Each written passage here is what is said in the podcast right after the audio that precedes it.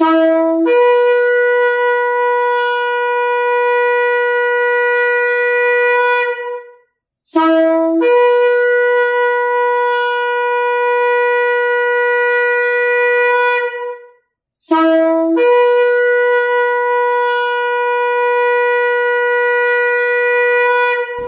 RPK yang dikasihi Tuhan di mana pun Anda berada.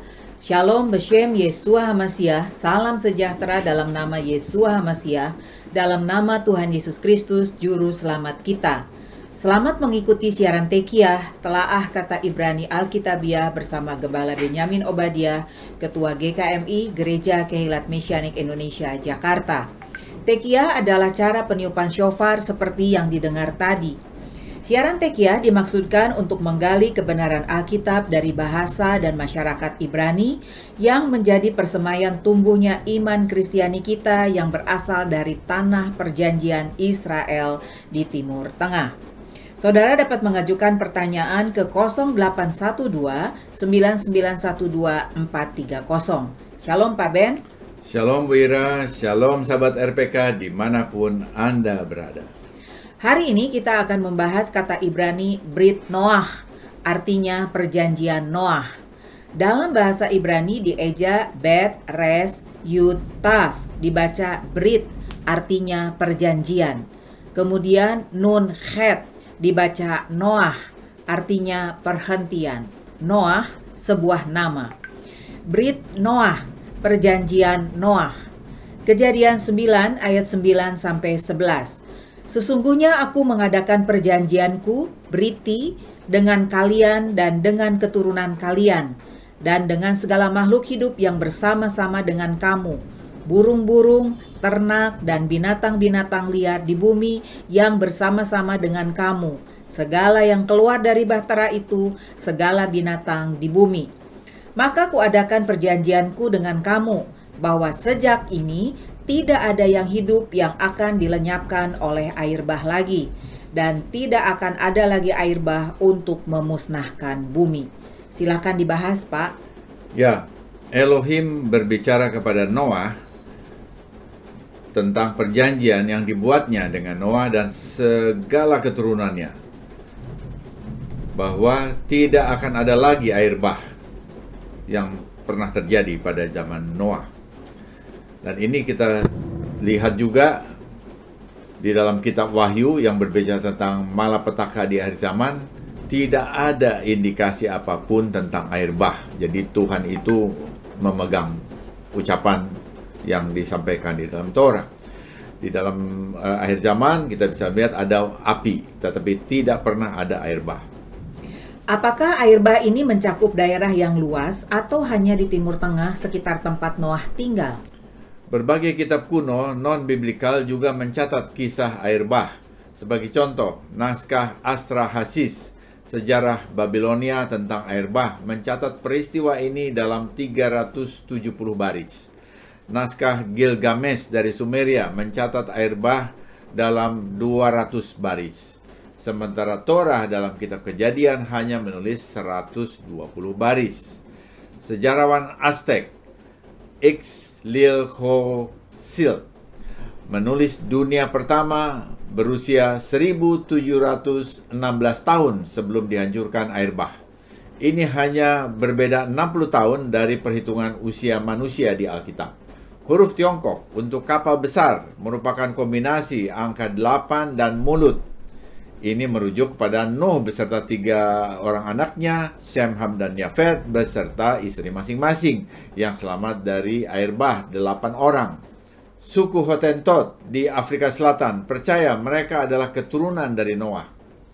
Cerita rakyat Hawaii mengakui adanya air bah dan hanya Nu'u dan keluarganya yang selamat. Banyak budaya di bumi ini mengakui adanya air bah, yang terjadi, yang tercatat di dalam kitab kejadian. Benar sekali. Bisa dijelaskan lebih lanjut tentang perjanjian Nuh ini? Perjanjian adalah kesepakatan antara dua pihak, seperti kontrak di zaman sekarang. Dalam hal ini, Tuhan dan Noah yang mewakili umat manusia. Untuk memulai zaman baru, Tuhan membuat Brit, perjanjian, dengan para penyintas air bah dalam kejadian 9 ayat 11 sampai 13. Tiap perjanjian dalam Alkitab ada tandanya, bukan hanya bicara saja. Ini penting untuk mengingatkan kedua belah pihak. Ini tertulis di dalam Torah kejadian 9 ayat 11 maksud saya ayat 12 sampai 13. Dan Elohim berfirman, Inilah tanda perjanjian yang kuadakan antara aku dan kamu serta segala makhluk yang hidup yang bersama-sama dengan kamu turun-temurun untuk selama-lamanya. Busurku kutaruh di awan, supaya itu menjadi tanda perjanjian antara aku dan bumi. Tanda ini adalah pelangi, rainbow, yang sering muncul sesudah hujan ketika cuaca menjadi cerah kembali. Ini penting dipahami oleh pembaca Alkitab abad 21, um, yang umumnya kurang memperhatikan unsur-unsur Brit atau perjanjian di Timur Tengah kuno. Bila kita membaca dengan cermat, isi perjanjian Nuh tertulis di dalam kejadian 9 ayat 1 sampai 7. Intinya ada empat butir. Satu, beranak cuculah.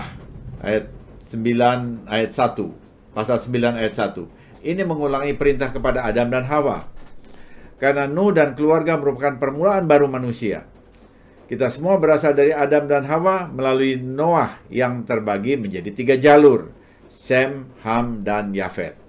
Sem melalui Abraham, Ishak dan Yakub menurunkan bangsa Israel. Juga ada cabang kepada bangsa-bangsa di Timur Tengah dan Asia. Ham menurunkan bangsa-bangsa di Afrika termasuk Mesir. Yafet menurunkan bangsa-bangsa di Eropa. Ini hanya garis besar saja. Yang kedua, semua yang bergerak dan tak bergerak boleh dimakan. 9 ayat 3. Daging yang mengandung darah jangan dimakan. 9 ayat 4. Ini berbeda dengan perjanjian Adam sebelumnya yang hanya memberi biji-bijian untuk dimakan manusia. Kejadian 1 ayat 29. Jadi sesudah air bah, Tuhan mengizinkan manusia makan daging binatang. Semua yang bergerak boleh dimakan. Apakah ini termasuk babi dan kelinci? Ya, boleh. Perjanjian Nuh berlaku bagi manusia pada umumnya.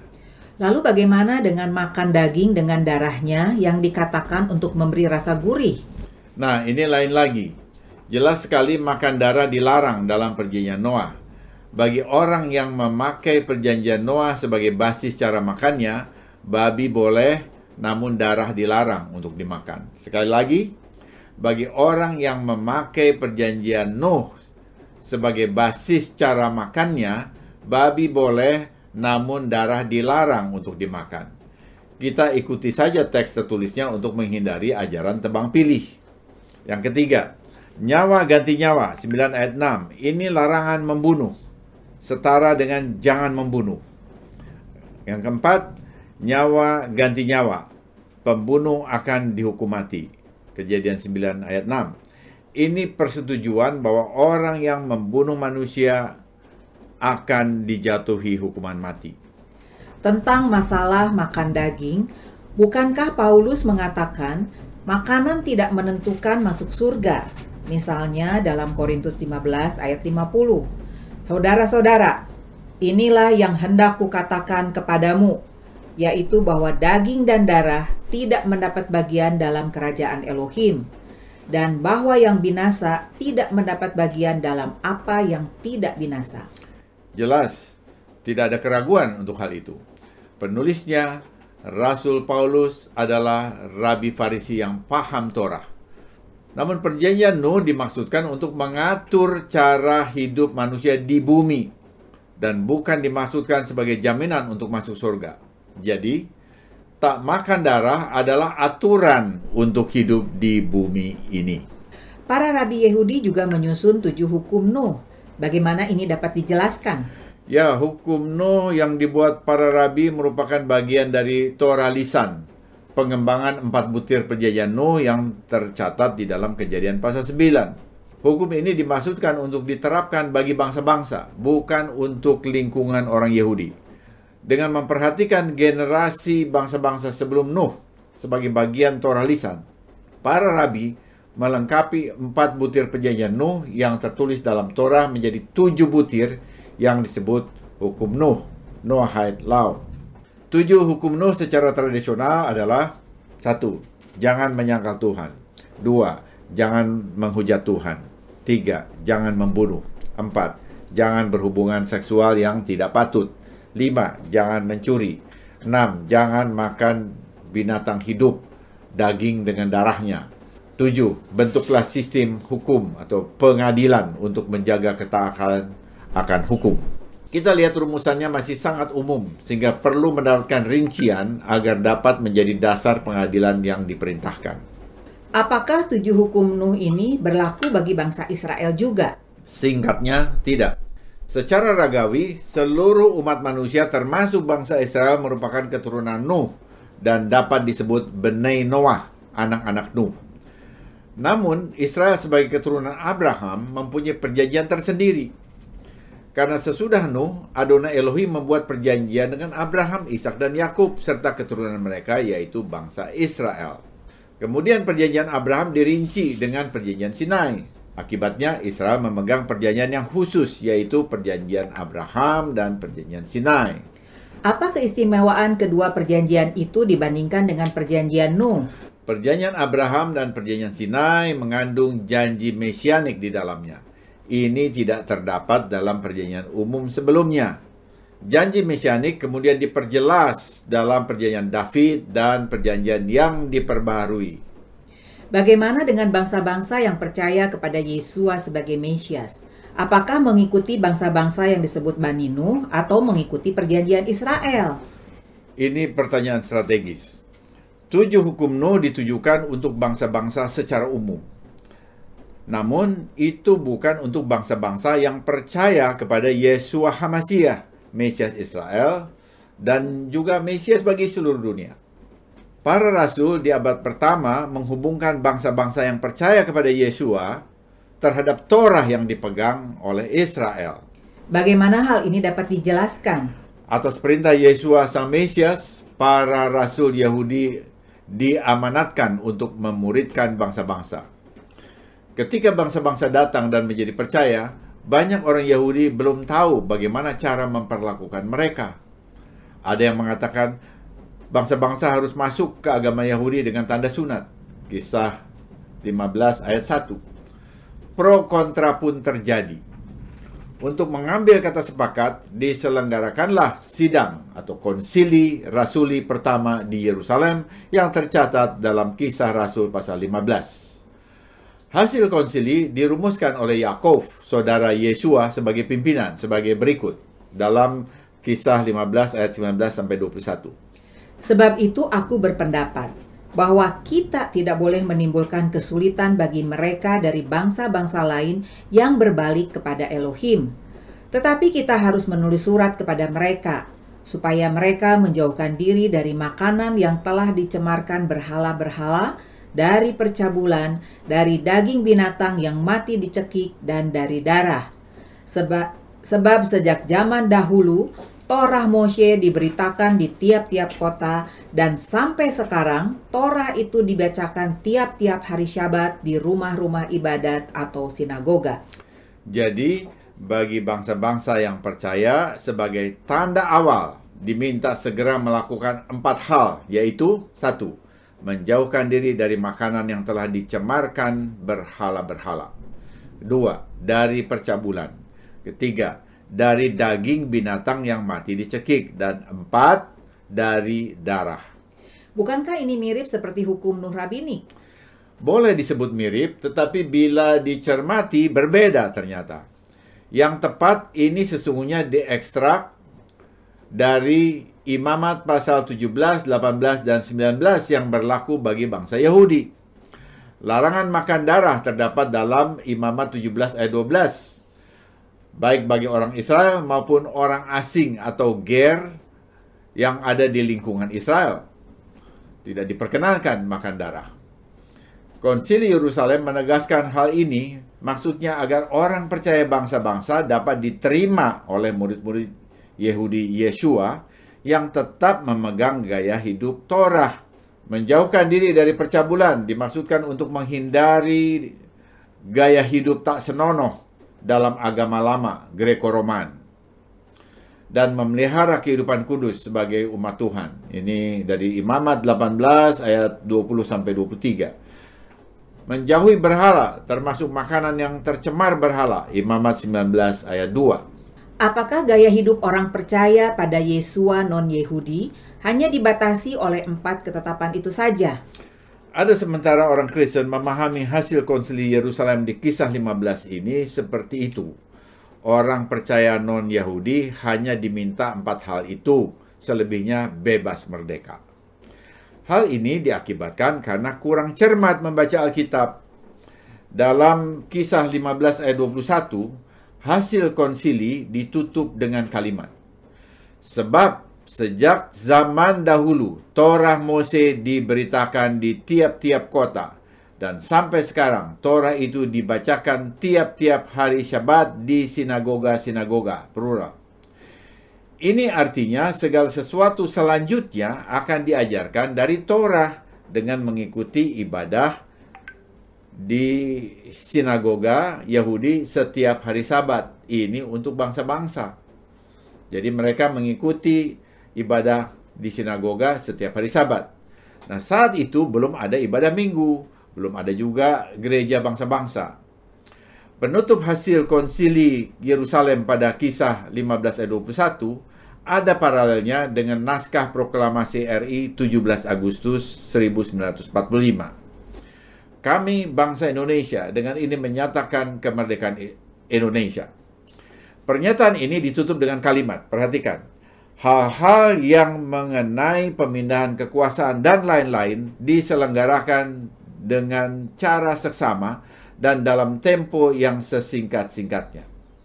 Artinya apa? Artinya proklamasi kemerdekaan itu masih harus diikuti dengan hal-hal selanjutnya. Sama seperti itu, empat tanda untuk bergabung dengan komunitas Yahudi percaya di bumi ini masih harus diikuti dengan kesetiaan belajar Torah setiap hari Sabat di sinagoga.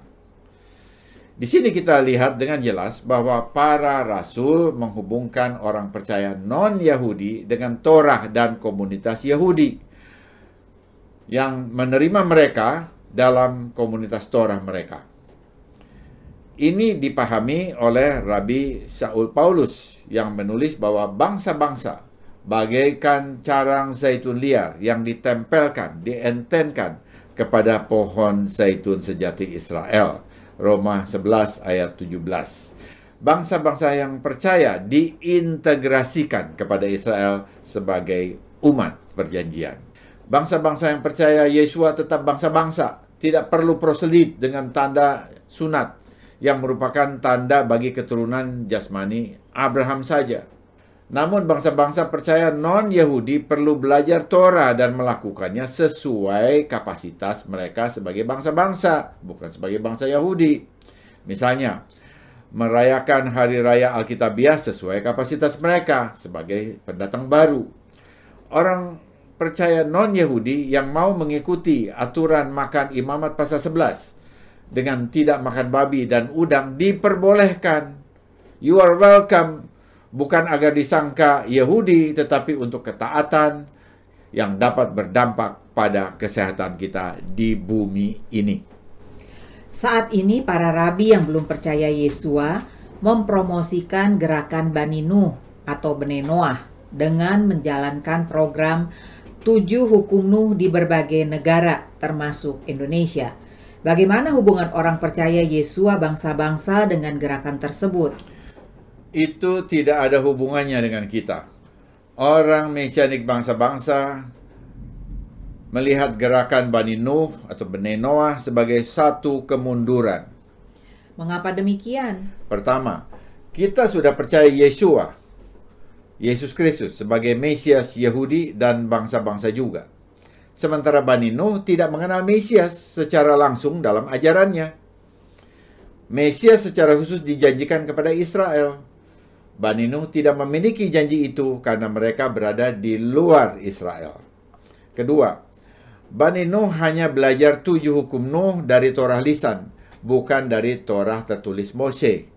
Sebaliknya, Mesianik sudah belajar Torah tertulis Mose. Ketiga, dari segi persekutuan dengan orang Yahudi percaya, Mesianik non-Yahudi diterima sebagai saudara dalam Mesias. Sementara Bani Nuh tetap terpisah di luar komunitas Yahudi. Jelas, posisi Mesianik sebagai Benai Abraham secara iman lebih unggul ketimbang Benai Noah. Semuanya ini karena Yesua Sang Mesias mengasihi segala bangsa bahkan sampai menyerahkan nyawanya bagi keampunan dosa manusia. Wah, materi yang sangat informatif dan luar biasa. Yesua Hamasiah adalah gambar Elohim yang tidak kelihatan, yang sulung, lebih utama dari segala yang diciptakan. Segala sesuatu diciptakan oleh dia dan untuk dia. Kolose 1 ayat 15 sampai 16. Haleluya. Semoga siaran ini memberkati saudara. Informasi bagi saudara. Ibadah Syabat Mesianik Ibrani disiarkan secara live streaming di YouTube setiap Sabtu jam 10 waktu Indonesia Barat. Kunjungi dan subscribe kanal Kehilat Mesianik di YouTube untuk mengikutinya. Bila saudara diberkati oleh siaran Tekiah dan mau kembali memberkati siaran ini, saudara dapat mengirimkan dukungan dengan menghubungi Happy di 0811910814. 0811910814. Sesudah narasi ini kita akan mendengar lagu rohani Raise a Hallelujah, serukan Haleluya oleh Levi Stans dari Korea Selatan. Di tengah badai sekalipun aku menyerukan haleluya. Semakin lama semakin kuat. Kalian akan mendengar pujianku bak auman. Dari debu muncul pengharapan. Maut dikalahkan, sang Raja Mesias hidup. Amin. Dari debu muncul pengharapan. Maut dikalahkan oleh kuasa kebangkitan Mesias Yesua. Tiba saatnya saya penatua Ira Obadiah dan Gembala Benyamin Obadiah mohon diri dari ruang dengar saudara. Sampai jumpa pada siaran mendatang. Yesua keselamatanku, Torah kesukaanku, menuju kepenuhan bangsa-bangsa. Shalom.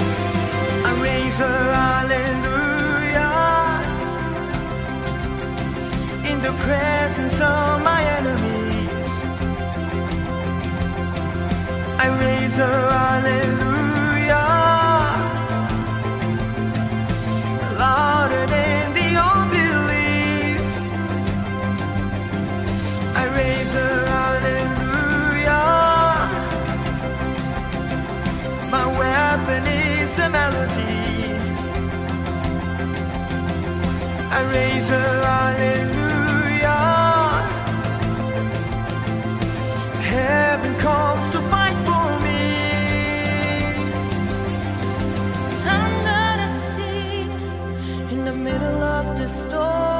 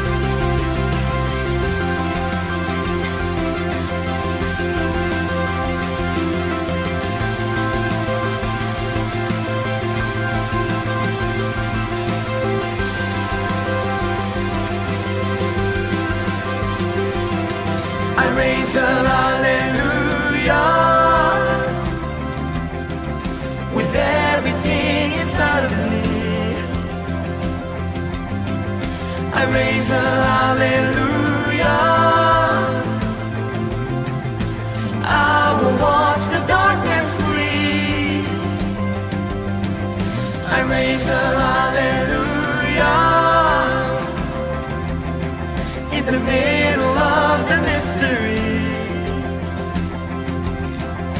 I raise a hallelujah. Fear you lost your hold on.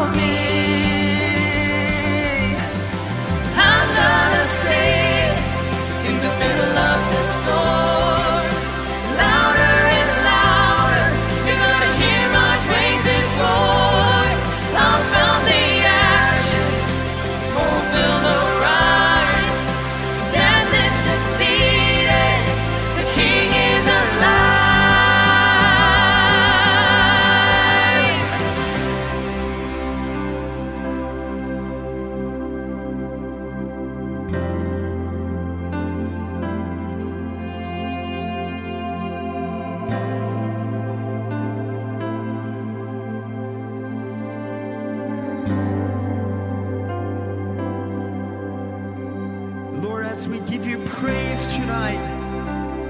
We know that you will be being thrown. You're worthy of praise in this room, God. You're worthy to be praised by this city, God. You're worthy to be praised by this nation, God. You're worthy of it all, Jesus.